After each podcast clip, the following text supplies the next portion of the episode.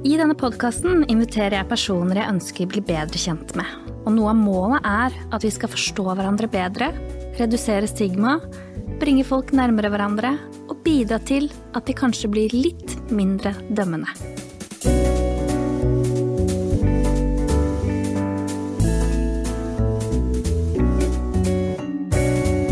Du lytter til Snakk med Silje.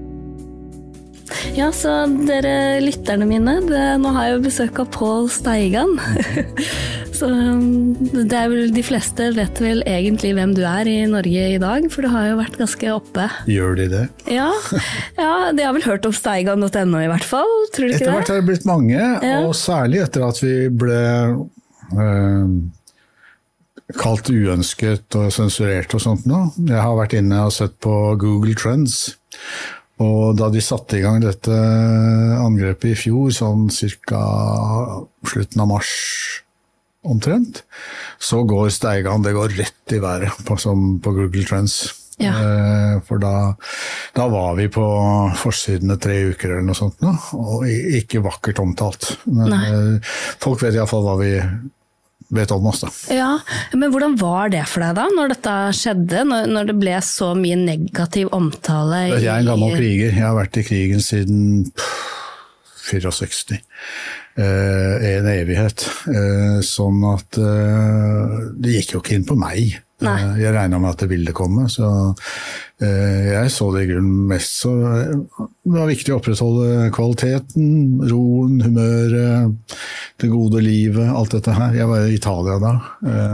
Men det er klart at for mine nærmeste var ikke det så greit. Det er et veldig sjeldent navn. Det er bare tre mennesker i verden som heter Steigan. Så Ikke sant? er relativt så Kona mi var engstelig da vi skulle hjem til Norge etterpå.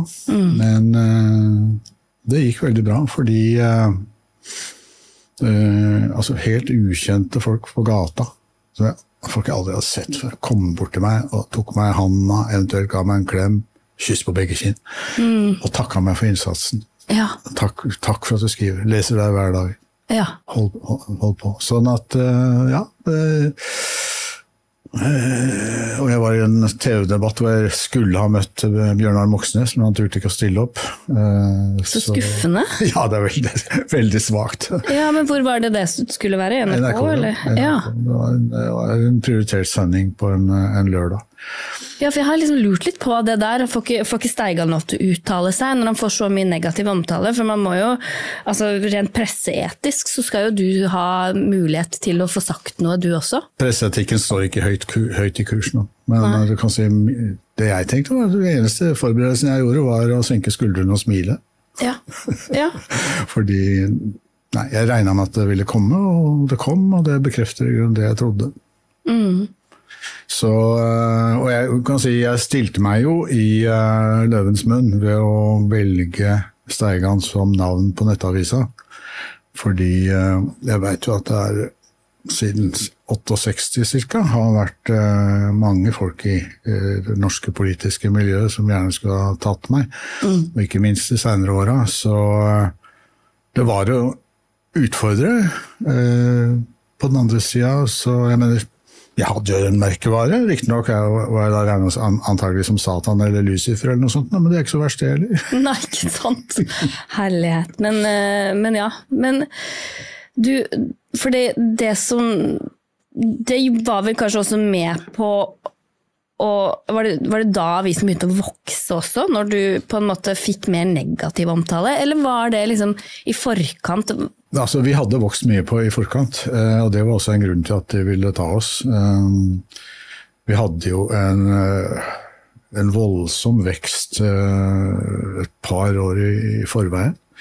I antall altså, Før de satte i gang dette kjøret, så var det vel hver måned en ca. 350 000 personer som så postene våre på Facebook.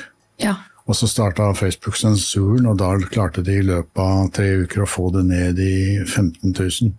Sånn at det var sånn. Eh, Men det ble jo tatt igjen andre steder, da, fordi vi finnes jo tross alt på og Man kan gå inn på steigan.no direkte. Og vi har, eh, vi har mange lesere, og vi har får eh, stadig flere det er ikke nok gratisabonnenter, men det er veldig bra. Og så får vi stadig flere folk som betaler et frivillig bidrag, sånn at vi kan holde det gående. Mm. Så uh, når du får negativ, negativ, omtale fordi du tør å stå opp mot makta, så er ikke det så gærent. Nei, ikke sant. Nei, for det er det du tenker, at det er fordi du står opp mot makta at du blir sensurert, og ikke fordi det er feilinformasjon eller propaganda, som egentlig er det du blir anklaget for, da. Og, ja, ja, komme med konspirasjonsteorier. Det er, det er veldig interessant at de sier det. Jeg har sagt dere er hjertelig velkommen på steigan.no til å prøve å dokumentere dette. Ja, ikke sant? Komme med dere skal få så mye plass dere ønsker. Ja. Eh, ledelsen i Rødt skrev et, et, dokument at vi sprer rasisme og konspirasjonsteorier. Rasisme begge, begge, også? Ja, ja, ja. Begge deler er løgn. Dette sa den nåværende leder eh, Marie Sneve Martinussen. Og eh, jeg har invitert henne, hun skal få så mye plass hun vil, ja. og prøve å dokumentere dette. Det vil hun ikke. Eh, jeg har invitert henne, og før henne Bjørnar Moxnes, til offentlig møte hvor de kan eh, legge fram sine anklager. Mm. Det vil de ikke. Jeg skjønner veldig godt hvorfor de ikke vil det. Mm. Ja, sant. Så du, du, kjenner liksom på det at eh, ja, fordi, det er litt det, fordi du har litt annet perspektiv på ganske mange ting, da. Uh, og så er det litt sånn, sånn tanke om at det du kommer med er fra feil kilder, ifølge da NRK og en del hva skal jeg si, norske nyhetsmedier. Og, men, men, hva har du liksom Jeg blir jo litt sånn nysgjerrig på det, hvor, hvor, du på en måte henter nyhetene fra, da. For, det, for det, jeg blir jo hele tiden anklaget for å liksom mm. Hvis jeg er litt kritisk til ting, så er det fordi man har eh, lest noe propaganda eller fått feilinformasjon. Da. Og jeg syns de begrepene blir liksom vanskelige. Ja. Ja, og dessuten, de, de skjønner jo ikke begrepene sjøl. De snakker f.eks. 'du driver med konspirasjoner', sier de. Det, den setningen gir ikke mening. Nei, det, gjør ikke, det høres ut som det er du som driver og er korrupt. Altså, liksom. de, de, de, skjønner ikke hva ordet betyr. Mm. Det betyr jo sammensvergelse, og konspirasjonsteori er da en teori om at det pågår en sammensvergelse. Mm. Og sammensvergelse er en måte menneskene har holdt på å forholde seg til hverandre på i noen tusen år. Det er hvordan du kan få din gruppe til å vinne fram på bekostning av andre ved å bruke en del tjuvtriks. Mm. Dette er menneskelig. Sånn og det har vi jo alltid gjort alltid. i alle tider. Det, det, sånn at, eh, konspirasjoner vet vi jo at har eksistert. Og det er veldig typisk for meg som jeg bor halvåret i Italia, og det er veldig typisk at i Italia brukes det begrepet konspirasjonsteorier veldig lite. Ja. Uh, og jeg tror det kommer av at italienerne er så vant til at politikk er konspirasjon. Ja. Altså Siden Cæsar, uh, drapet på Cæsar til i dag, eller kanskje før, så har jo politikk i Italia vært ensbetydende med at den ene gruppa har sammensverga seg mot den andre, og herskerklassen mot folket. Mm. Det er regelen. Så det gir ingen mening å kritisere folk for det. Dessuten har italienere flest mye mindre tillit til politikerne sine. Så hvis politikerne begynner å, å kritiserer noen fordi de kritiserer politikerne, så vil kanskje disse menneskene få litt mer oppslutning. Så eh, Det der funker ikke i Italia, men det funker i, i protestantiske land, og jeg har filosofert litt over det. Mm. Eh, eh protestantene fra, fra, Martin Luther oppover, de tror på Skriften. Altså det var det som var poenget til Luther, at han skulle sørge for at alle leste Bibelen. Mm. Italienerne leser jo ikke Bibelen, de tror på mirakler. Altså, det er en helt annen måte å forholde seg til, ja. til ting på. Eh, jeg har ikke lest teksten. Eh, så, så, mens de, de, protestantiske kristne og, og, og, og sånn indremisjon og små altså disse her sektene og sånt, nå, de tror jo veldig på Skriften. Ja. Det og det å være lojal mot Skriften. Og i Norge er Skriften, det er NRK.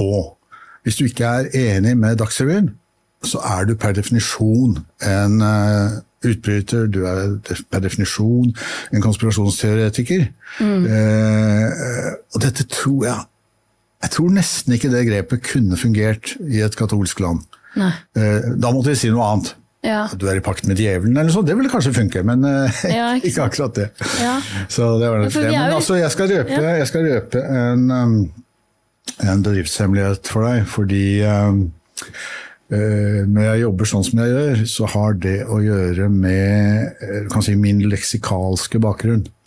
Eh, jeg skriver i en folkefiende, min sjølbiografi, at jeg omtrent er vokst opp under et leksikon. Vi hadde Aschehougs konversasjonsleksikon over den senga jeg lå i da jeg var liten og var veldig mye syk. Så jeg leste leksikon omtrent som man leser romaner, altså fra første side og ja. utover. Eh, og det gjorde meg veldig orientert rundt dette her å samle informasjon. Mm. Eh, i, eh, og da denne datarevolusjonen begynte så smått, eh, så begynte jeg allerede i 79 å jobbe med disse tingene. Og eh, jeg fikk en jobb som leksikonredaktør i 84. Og eh, ble med på et, prosjekt for online søking av informasjon. Det fantes jo ikke da, internett fantes Nei, ikke. ikke men vi fikk tilgang til uh, Financial Times uh, og Aftenpostens A-tekstbase. Så vi, sammen med det som heter Rasjonaliseringsdirektoratet, så drev vi studier i hvordan vi kunne utnytte online-databaser til å hente informasjon. Og som leksikonredaktør så var det min oppgave å lese sju-åtte internasjonale aviser på en fem-seks forskjellige språk hver eneste dag ja. for å samle informasjon. Og øh, dermed så fikk jeg den, denne metoden, hvordan du, uh, hvordan du kvalitetssikrer informasjon, hvordan du sjekker, hvordan du finner kilden osv. Og, og uh, poenget er at det finnes jo ikke noen absolutt sikkerhet eller sannhet. Du, du vil jo alltid måtte eh, undersøke ja, stemmer dette. Altså, og dette gjelder ned til sånne ting man skulle tro var helt uh, banna bein sikkert. Mm. I, man kan lese f.eks. i Wikipedia i uh, La oss si Nigeria er det 212 millioner mennesker. Er det det? Er det noen som har telt? Mm. Jeg tror det er svært mange mennesker i Nigeria som ikke er telt av noen folk fra folkeregisteret i det hele tatt. Og sånn gjelder på område etter område. Hva er bruttonasjonalprodukt? Bruttonasjonalprodukt er så og så stort. Ja, hva regnes i bruttonasjonalprodukt? Dette, dette er harde fakta, liksom. Ja. ja. her regner vi inn finanstjenester og eh, forsikringsskader og alt mulig sånt. Er, er det brutto? Altså, med en gang du begynner å angripe dette her, mm. så finner du ut at ikke noe av det vi får presentert som absolutt sikkert, er det. Mm. Uh, og da, Det betyr ikke at det ikke er mulig å finne fram til noe, uh, men du må hele tida uh, si at ok, det finnes andre kilder, og det finnes uh, annen informasjon. Og da kommer jo f.eks. da i dagens situasjon fram til Ja, du, du, må, du, siterer russiske kilder. Ja, ja visst pokker. Altså hvis du ikke, i en krigssituasjon, hvis du ikke prøver å skjønne hvordan den andre sida tenker, hva de forholder seg til, deres syn på virkeligheten osv., så så er du ute av stand til å forstå krigen. Da er du til og med ute av, forstand, ute av stand til å forstå deg sjøl. Eh, den kinesiske militærteoretikeren Sun Tzu sier jo det at eh, kjenn deg sjøl, kjenn fienden, og du kan føre hundre slag uten noen gang å lide nederlag. Eh, men her har vi altså Her har man utpekt Russland og, og, og Putin som fienden, men man er ikke villig til å høre hvordan de tenker eller hva de sier. Da har man jo i og for seg allerede bestemt seg for å lide nederlag. Hvis du ikke skjønner den andre sida, så er du ute av stand til å uh, legge opp verken strategi eller taktikk. Så naturligvis uh, siterer vi Putin, og jeg siterer CIA, mm. og State Department og Pentagon. Og, og hvis man Vi har i Steigan.no noe sånt som 300 000 forskjellige uh, kilder som vi har lenka til. Og eh, hvis du ser de som er russiske, så dreier det seg om eh, noen hundre, kanskje noen tusentalls lenker. Mens veldig mye annet er jo fra vestlige kilder, særlig amerikanske kilder. Mm. og f.eks. hvis jeg leser en nyhetsartikkel eller en blogg eller et eller annet hvor det står CIA sier en rapport sånn og sånn. Jeg siterer ikke den nyhetsartikkelen, jeg siterer ikke den bloggen. Jeg går til CIAs egne sider og finner den rapporten, og leser den rapporten. Og så finner jeg at på side 215 så står det noe interessant som disse folkene ikke har lagt merke til. Og så jeg leser han oppmerksom på det. Altså, jeg driver den typen graving, da, som jo er da typisk også fra et leksikonsynspunkt, at uh, du må ned i materien. Uh, og For å gjøre det så drev jeg også en studie av eh, si, kunnskapens historie og leksikografiens historie. Mm, studerte Aristoteles og Platon og hele denne tenkninga som førte opp til eh, et av de verkene jeg virkelig beundrer, altså den store franske encyklopedien, med Denis Diderot som redaktør. Eh, han hadde jo den tanken at han måtte spre kunnskap. For bare gjennom kunnskap kunne man skape et demokrati. Og dette var jo under eh, det gamle regimet i Frankrike med en totalitært eh, monarki, eh, hvor han så det som sin oppgave å, eh, å presentere vitenskapene. En interessant undertekst der er at han faktisk har finansielt uh, støttet av uh, tsarina Katarina den store av Russland. Så det er jo en, en delikat, pikant sak i tillegg. Men uh, iallfall den tankegangen, da. At uh, søke sannheten fra fakta, og alltid også stille spørsmål ved hva er fakta. Mm. Fordi uh, det kan ses fra veldig mange forskjellige synsvinkler. Uh, og jeg er akkurat nå veldig opptatt av det som skjer i Afrika, ja. men da også veldig opptatt av å, å, prøve å fange opp det afrikanske perspektivet. Hvordan ser de på sin virkelighet? Mm. For vi har en elendighetsbeskrivelse av, av, Afrika. Vi tror at Afrika er avhengig av vår bistand. Mm. Det er bare tull. Det er vi som er avhengig av deres ressurser. Ja. Altså Vi plyndrer dem for deres ressurser. Hvis vi hadde slutta med det, så hadde f.eks. et land som, som, Niger, som er aktuelt nå, da, mm. vært et av verdens rikeste land. Ja. Eh, for de har, at, uh... de, har, de har, uran, de har gull, de har alle mulige slags mineraler. Og under ørkensanda fins det vannkilder, de kan utvikle eget landbruk midt i Sahara. Så, men dette snakkes ikke om i norske medier, for man har dette, denne tankegangen om at Gud er norsk, og at uh, alt er lagd for oss, mens i virkeligheten bygger hele vår økonomi på en løgn. Hele vår forestilling er uh, bygger på et, et, konsept om vestlig overmakt som har eksistert i 500 år, men som nå synger på siste verset, og som raser sammen. Mm. Så, øh, så det er, det er, dette er jo ikke bare spørsmål om å samle fakta, men det er også et, et spørsmål om å finne andre synsvinkler. Andre eh, måter å se ting på. Og f.eks. på steigan.no så har vi artikler av eh, 900, over 900 eh, forskjellige forfattere fra fire kontinenter. Og artikler av oss er oversatt til uh, iallfall sju språk. Og nå kommer et åttende språk, eller niende språk. Det kommer islandsk blir nå, og så kommer fransk uh, om ikke lenge. Så uh, vi fins over hele verden, leses over hele verden. Uh, og ved at vi også orienterer oss i kilder fra hele verden, så bringer vi verden til norske lesere. Og vi ser det som et, en måte å hjelpe norske lesere til å få et litt annet blikk på verden enn det de kan få gjennom Dagsrevyen. Ja, for det, det, virker jo som at folk har en litt sånn for enkel forståelse av hva kildekritikk egentlig dreier seg om. For, for jeg får et inntrykk av at å ja, det sto i Steigan, ja. ja kan, Steigan kan vi ikke stole på, den er liksom avskrevet som kredibel per definisjon fordi det står der. Men, men jeg har jo vært litt forundra over det. For det er jo litt sånn Jo, men kan vi ikke se på hva, hvilken person som har skrevet akkurat den, og hva slags kilder de viser til igjen?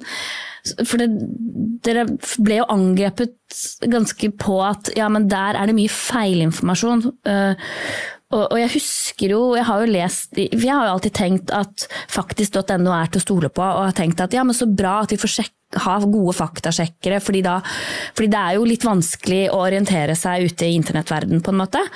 Men så husker jeg leste, det var jo under covid, da, og det var jo rundt da dere begynte å få en del kritikk også, så leste jeg en sånn artikkel um, i, um, i faktisk.no. og det var da jeg begynte faktisk å legge litt sånn merke til den retorikken de brukte. Måten de liksom på en eller annen måte manipulerte leseren litt til å få et, få et, øh, øh, et inntrykk av at dere ikke var pålitelige.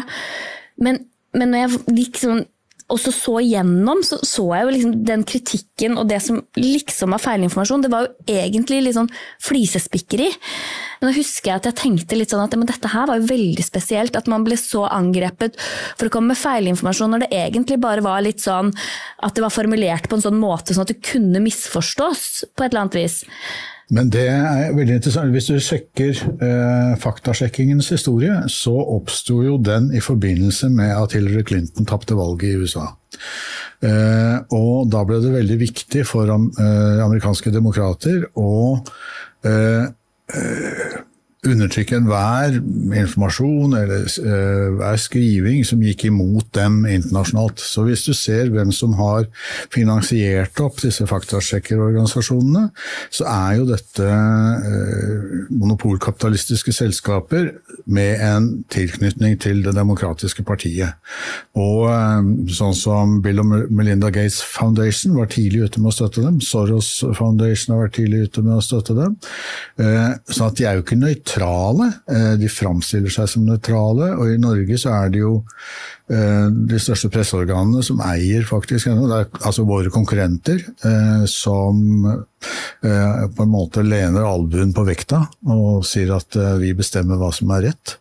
Men hvis du ser på Skipsted, da, så eier, jo de, eller kontrollerer jo de ca. 33% av aksjene i faktisk.no, og Skipsted sjøl, der er det Wall Street-selskaper som kontrollerer 48 av, av, av, aksjene. Og de selskapene er jo de samme som eier våpenindustrien, finansindustrien, Big Pharma osv. Så, mm.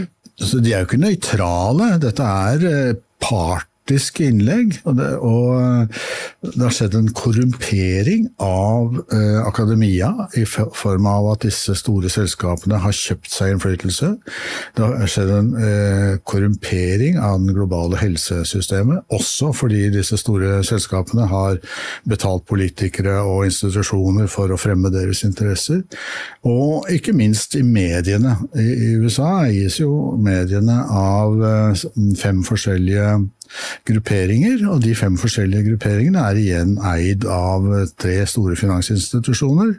BlackRock, State Street og Vanguard. Mm. Og de eier igjen hverandre, og eier våpenindustrien og alt det andre. Sånn at dette er så integrert, sånn at det folk trenger, er jo uavhengige stemmer, folk som ikke er involvert i dette spillet, som mm, av og til kan klare å rive litt av forhenget til side, og av og til kan være den lille gutten som peker og sier 'keiseren er, unnskyld meg, naken'. Mm. Eh, så vi ser det som vår rolle. Vi er på en måte en folketribun, da, som det het i Roma i gamle dager. De som har jobben for å, å representere folket mot makta. Mm. Eh, og, og, og denne her faktasjekkerindustrien, den er virkelig, virkelig korrumpert, og den, den, representerer helt bestemte interesser. Jeg kommer nettopp fra et intervju med en av de fremste uh, journalistene i, uh, i, vestlige medier, amerikanske medier, Chris Hedges, som var han, var, han leda Midtøsten-kontoret til New York Times. Eh, han eh, dekka Jugoslavia-krigen. Han dekka eh, sammenbrudd til Sovjetunionen. Og den gang kunne han skrive om alt mulig i det store presseorganet. New York Times, Washington Post. Kunne være hvor som helst på kanalmediene. Nå slipper han ikke noen steder. Eh, altså en av de store journalistene i, i vår tid, som ikke slipper fram. Eh, og det gjelder naturligvis Cy Hirsch, det gjelder Glenn Greenwald, det gjelder en, en masse. Sånn at eh, vi er da en del kolleger globalt som jobber langs de samme linjene. Eh, vi har publisert eh, bortimot 30 artikler av Chris Hedges, og det er påfallende å se hvordan han og jeg med helt forskjellig bakgrunn, helt forskjellig utgangspunkt, kommer til mange av de samme konklusjonene. Fordi vi jobber med fakta og bakgrunn på den samme måten. Ja, dere er jo litt mer sånn gravejournalister da, som prøver å se alle perspektiver, virker det som, og prøver å lese ulike kilder for å komme frem til til en eller annen form for virkelighetsoppfatning hvor man tar liksom alt med i betraktning, da, på et vis. Mm. Men, men, jeg får litt sånn For det jeg lurer litt på, er liksom hvordan hvordan norske journalister i hovedstrømsmediene og pressestøttemediene egentlig jobber. Fordi jeg syns det er så rart at det, den fremstillingen er så lik i alle, alle mediene. Så, så, er det de eneste som har litt andre perspektiver på ting, er jo de som blir satt i bås som litt sånn alternative medier, mens de selv kaller seg litt sånn uavhengige medier på et vis. da. Uh, Silje, kan vi ta en liten pause der? Ja. Sånn. For jeg er nødt til å gi en beskjed. Ja. Og jeg er nødt til å ha Nesoddbåten klokka tolv, og så får jeg parkeringsbot. Så vi er, ja, sånn er det. Jeg ønsker å takke alle dere som har støttet podkasten min med en pengegave. Det setter jeg enormt stor pris på. Målet med denne podkasten er på ingen måte å tjene penger, men det koster litt å lage podkast. Å leie studio, filme og redigere både lyd og bilde. Og Derfor er jeg veldig takknemlig for alle som ønsker å bidra. Det gjør at jeg kan holde den åpen og tilgjengelig for alle. Eh, og om det er flere som setter pris på podkasten min, så har dere mulighet for å donere penger i VIPS ved å søke opp 'Snakk med Silje' eller bruke VIPS nummer 806513. Og husk å skrive hvem det er fra og nummeret ditt, sånn at jeg kan få takka deg personlig. Ok. Beklager det, men eh, sånn er det. Du stilte spørsmål om hvordan eh, disse eh, journalistene og mediene funker. Ja. Og nå er det jo sånn i Norge at det finnes jo nesten ikke uavhengige medier. De fleste er, avisene er jo eid av noen få store grupper, bl.a. Schibsted-konsernet, et par andre grupper. TV-mediene er jo enten NRK, eller så er det TV 2 og lite annet. Eh, eh, NRK er jo eh, statskontrollert og veldig Man kan ikke akkurat kalle det uavhengig. Klassekampen er har LO som største eier, og heller ikke noen barrikadestormer, akkurat. Sånn at, og de avisene som ikke har sterk kapital i ryggen, de er avhengig av statsstøtte. Klassekampen, Nasjonen osv. Eh, og hvis du ikke er i harmoni med de rådende politiske maktene, så får du ikke noe statsstøtte. Så enkelt er det. Eh, så jeg syns jo synd på mine kolleger som jobber i disse mediene, for de har veldig trange arbeidsvilkår. Og dette kommer også i sammenheng med at uh, disse mediene får jo internt dårligere og dårligere økonomi. Sånn at uh, journalistene får dårligere og dårligere arbeidsvilkår. og Uh, veldig mange får ikke engang fast jobb i mediene. De går på korttidskontrakter eller enkeltkontrakter osv. Så uh, sånn at de er nødt til å levere det de blir bedt om. Uh, og når det gjelder utenriksdekning, så er det jo nesten ingen eh, norske journalister som har utenriks, utenriksreportere lenger. Og da sitter de og klipper Reuters og Ap. Og så har du dette spennende som har skjedd nå med, med amerikanske medier, at de lager seg narrativer, fortellinger, som de selger inn om enhver internasjonal krise, enten det er covid, Ukraina Hvem gjør det? Ja, altså de, de store opp, altså noe, av, noe, av, dette er gjort av reklameselskaper. Ja. F.eks. Uh, WHO, helseorganisasjonen, ansatte jo Hill Nolton til å drive sin koronakampanje. Hill Nolton var de som ga oss uh, forsikringer om at asbest ikke var farlig for menneskene, at tobakk ikke er farlig for menneskene, at oljeindustrien ikke er noe problem, at uh, det var de som solgte inn uh, Kuwait-krigen med falske vitnesbyrd. Altså, de har solgt inn alt som er, og de jobber også med Ukraina-krigen, og selger såkalte storylines, såkalte narrativer, og også disse talking points, som man sier i USA. Altså, med en gang det er en ny sak, så får de en setning som alle bruker. Oh, ja. Altså sånn eh, Et eller annet med Putin, da står den alle steder. Eh, Eller dette med eh, Great Reset, som er World Economic Forums greie. ja.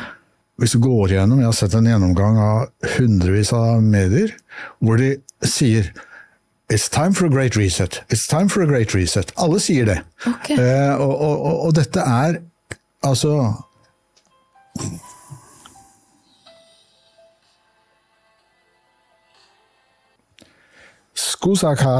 eh, devo chiamarti dopo. Eh, do- dopo mezzogiorno. Va bene, a dopo. Ciao ciao. Um, så uh, de har De har veldig trange rammer, disse journalistene. For hvis de ikke lever opp til dette her mm, eh, hva, hva heter det for noe? Eh, ekstremværet hans. Da var det ekstremværet hans. Det var noe som eh, Meteorologisk institutt fant på. I eh, Sverige het det uværet hans. Eh, men det er klart at det gir en helt annen følelse hvis det er ekstremvær. Virkningen Virkningene var ekstreme, men nedbørmengdene var ikke ekstreme. Men hvis du sier det, så er du en Så da er det vel- værfornekter, Ja. klimafornekter. Eller hva. Og, og, og med en gang man bringer inn begrepet fornekte, så er det som Dette er nesten som religiøst. Altså, du, du, er en, du er en Kristusfornekter, du er en Satan-tilbeder. Altså, dette er den gamle måten å, å, å, å brennemerke avvikerne på. Eh, mens jeg mener at enhver journalist som vil være verdt saltet sitt, bør jo bli mistenksom med en gang alle sier det samme. For meg lukter det død rotte. Når alle sier det samme, da er det et eller annet som de enten prøver å skjule, eller de ikke veit, eller et eller annet.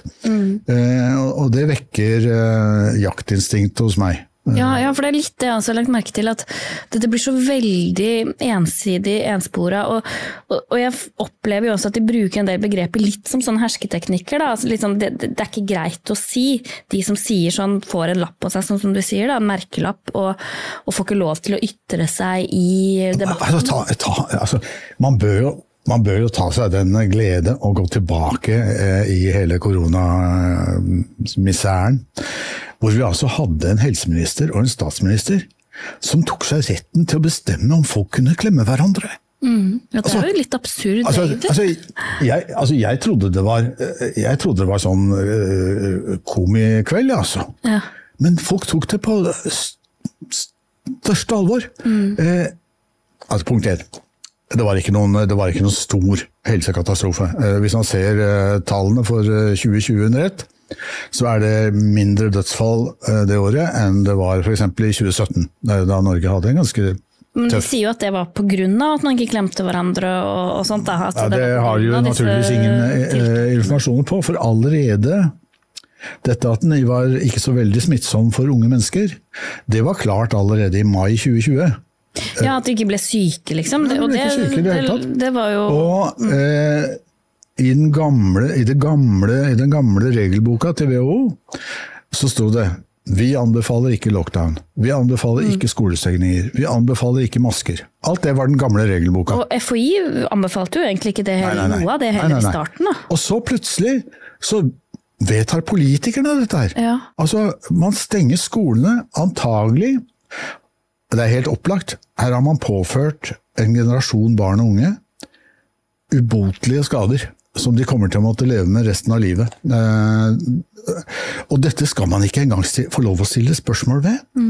Og man visste at ikke bare var maskene unyttige, de var også helseskadelige. Eh, av mange grunner som jeg ikke skal gå inn på her. Man visste at barn og unge ikke ble syke av dette viruset. Dette visste man i 2020. Man stengte likevel skolene. Eh, og det er tvert imot i den perioden hvor barn og unge bør utveksle virus. Det, er da man, det er da man bygger immuniteten sin. Så hvis man ikke får gjøre det, så skader man sin egen immunitet.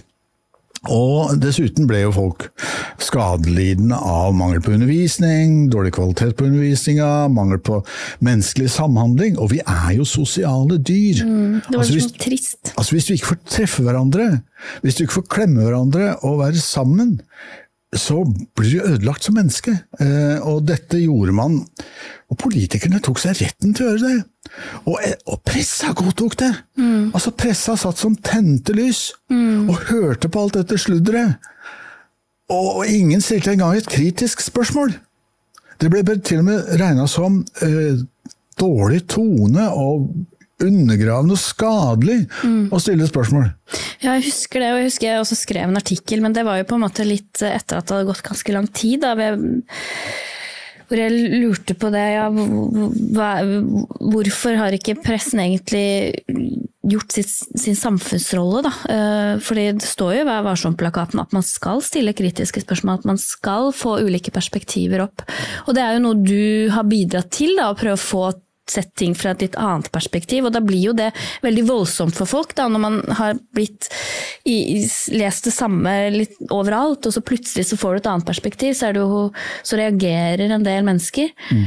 Men, og nå er det jo det som skjer i Afrika. Vil du si litt om det? Jeg, jeg, jeg, du, du, sa litt om det i stad, og det jeg lurer liksom på, er liksom hvordan hvordan fordi det, det, er jo det med Frankrike som på en måte blir, i NRK blir liksom fremstilt som en som har forsøkt å hjelpe landet og liksom blomstre, og, og, og hjulpet denne lederen som er demokratisk valgt, og, og, disse tingene, og skal på en måte prøve å hjelpe de til å, til å få liksom fred og fordragelighet, på en måte. Da. Og, så kommer jo du med et veldig sånn annet perspektiv.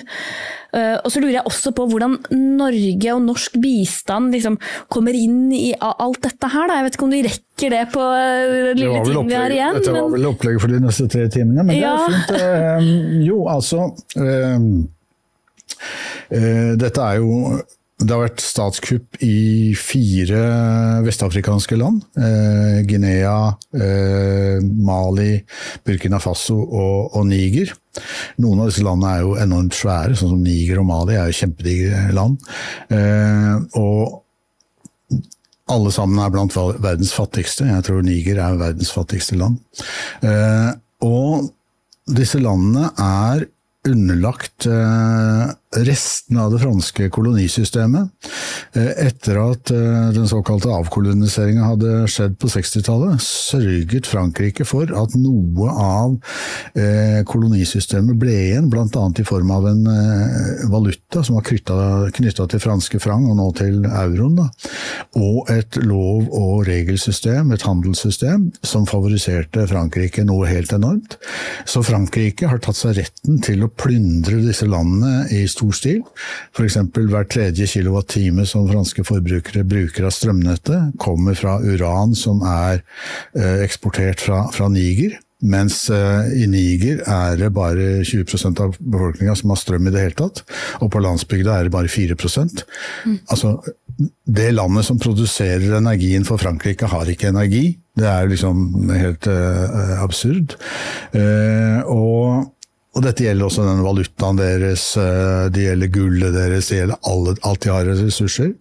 Eh, og Frankrike har jo gjennomført noe sånt som 50 militærkupp og intervensjoner i disse landene siden eh, opphevinga av kolonisystemet.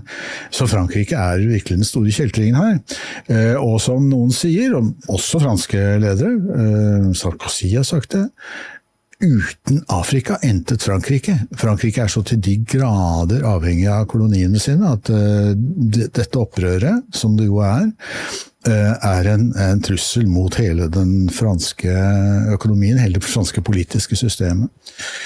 Og så kommer altså disse unge offiserene og eh, begår statskupp, for det er statskupp, det er ingen tvil om, eh, i sine land. Og så blir de veldig populære blant folket i landet sitt. Og så ser vi også at altså i disse massedemonstrasjonene i Niamey, i hovedstaden i Niger, så, så, vifter folk med det russiske flagget, for de oppfatter Russland som en utenlandsk alliert. Da. Det er klart at For Vesten oppfattes dette som enormt truende. Men fra et afrikansk synspunkt så er dette sånn våren er kommet. Endelig er det mulig å gjøre noe. Og vi hører nå stadig flere afrikanske ledere som på ulike måter former en veldig skarp og grunnleggende kritikk av hele Vestens forhold til Afrika. Eh, den, kvinnelige presidenten i, eh, den første kvinnelige presidenten i Etiopia sa det. Hun sa vi vil ikke eksportere våre unge menn til, eh, til Europa. Vi vil ha dem sjøl, for vi vil bygge landet vårt. Altså, mm. de, ikke, altså, de, støtter ikke opp om denne migrasjonspolitikken. De vil ha de unge mennene i sitt land. Og det samme sa jo eh, presidenten i Ghana. Presidenten i Kongo tok nylig eh, Macron i eh, skole og skjelte ham ut eh, for åpen mikrofon for å være patriarkalsk og nedlatende overfor afrikanerne. Og så kommer da altså eh, opprørerne, eller kupperegjeringene, i eh, eh, Mali, Niger og Burkina Faso. Og reiser de gamle kravene som allerede fantes på 60-tallet til Patrice Lumumba i Kongo, til Thomas Sankara i, i Burkina Faso på 80-tallet, eh, om uavhengighet, eh, kontroll over egne ressurser osv. Så, så dette er det nye Afrika. Og de, som de sa i eh, Niger da, de, da amerikanerne og europeerne tror om å eh, trekke sin bistand, så sa de vi vil ikke ha pengene deres. Bruk dem til de hjemløse hos dere sjøl, for de trenger penger. Mm. Vi vil, det vi vil ha, er kontroll over våre egne ressurser. Ja. For Afrika er jo det rikeste kontinentet i verden. Mm. Det har ingen mening at det landet skal være fattig. Kontinentet er søkkrikt. Grunnen, eneste grunnen til at eh, det er fattig, er at det holdes ned, nede av et system som er eh, militært, Eh, korrupsjonsmessig, økonomisk, politisk, og det, hvor bistandsindustrien fungerer som en del av dette. Mm. Norsk bistand finansierte opprettelsen av staten eh, Sør-Sudan og brukte 13 milliarder norske skattekroner på det. Det gikk jo rett i lomma på et par lokale korrupte generaler og deres, deres gjeng. Mm og førte ikke til noen forbedring for folk i Sør-Sudan. Og sånn er det på område etter område. Men nå, ikke minst pga. Ukraina-krigen, så har Afrika sett nå klarer ikke Vesten å ha det samme grepet på oss. Nå finnes det alternativer. Vi kan, vi kan, se bort fra Verdensbanken, vi kan se bort fra IMF. Vi kan henvende oss til uh, BRICS-banken og få lån der. Mm. Og de krever ikke den samme nykoloniale politikken av oss. Altså BRICS-landene får jo med seg flere amerikanske land i sin allianse, da kanskje? Ja, afrikanske land. Ja, og, og latinamerikanske land, faktisk. Ja. Eh, nå er det 23 land som ønsker å bli med i, i BRICS. Veldig interessant. Så nå, det som skjer nå, er at Det er jo litt skummelt, da? ja, for, for, for, Vesten er det kanskje skummelt. Ja, ja vi, men, vi, bor jo i Vesten, da. men Vesten er jo, eh, i forhold til resten av verden, så er jo Vesten uh, lite, da. Mm. Eh, hvor mange millioner er det som bor i Europa nå? Det er 700 millioner. Det er sånn halvparten av India. Altså, vi er ikke verdens navle, vi er eh, langt fra det. Og vi, kontinentet er fattig. Det er jo derfor de plyndrer norsk eh, vannkraft. Fordi EU eh, e har jo ikke energi sjøl. Og amerikanerne har jo sørga for at Tyskland blir knekt pga. sanksjonene mot Russland. Så dette er, altså, vi lever i historiske perioder. Mm. Eh, det vekker jo naturligvis også uh, jakthunden i meg. Ja, for eh, Hvor kommer liksom alt det engasjementet fra? Altså, den stå-på-viljen som du har. Det, det, er jo noe ved deg som gjør at du står i disse stormene og, og, og prøver å få frem liksom, andre perspektiver på ting. Antagelig er jeg genetisk miljømessig skada. Uh, ja, begge mine foreldre var i motstandsbevegelsen mot uh, den tyske okkupasjonen. Fattern satt to og et halvt år i tysk fangeleir. Mutter'n gikk som kurer hele, hele, krigen, og da jeg var guttunge, så, så leste hun jo uh, fra en folkefiende av Henrik Ibsen eh, for meg. Ah, det en, altså det, akkurat det dramaet der, jeg gikk jo ja. musikktans og drama og har jo lest mye Ibsen. Og det, jeg, en av de tingene jeg skrev, var jo om Robert Malone i ja. Subjekt. Og da brukte jeg også det som et eksempel. Da, en folkefiende ikke sant?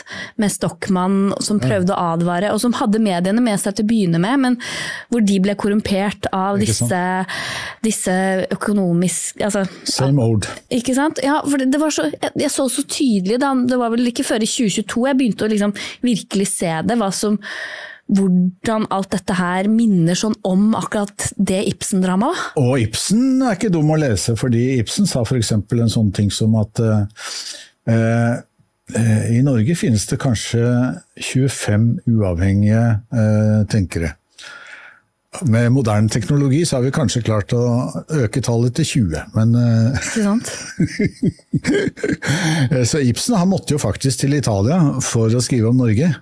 Ja. Eh, Altså det er, altså, når, altså, Det er, det er ganske mange likhetstrekk ja, vi, her. vi, vi kan, jeg har litt mindre skjegg da, men ok. Ja. Eh, Nei, han, han måtte, ja, for han følte Norge for trangt. Ja. Eh, Og eh, det er knapt skrevet bedre eh, litterær eller teatermessig framstilling av, den norske hykl, hykle, av det norske hykleriet enn eh, Per Gynts tale i fjerde akt på Stranda, eh, hvor han eh, diskuterer med trompeterstrål og eh, Monsieur Ballon osv.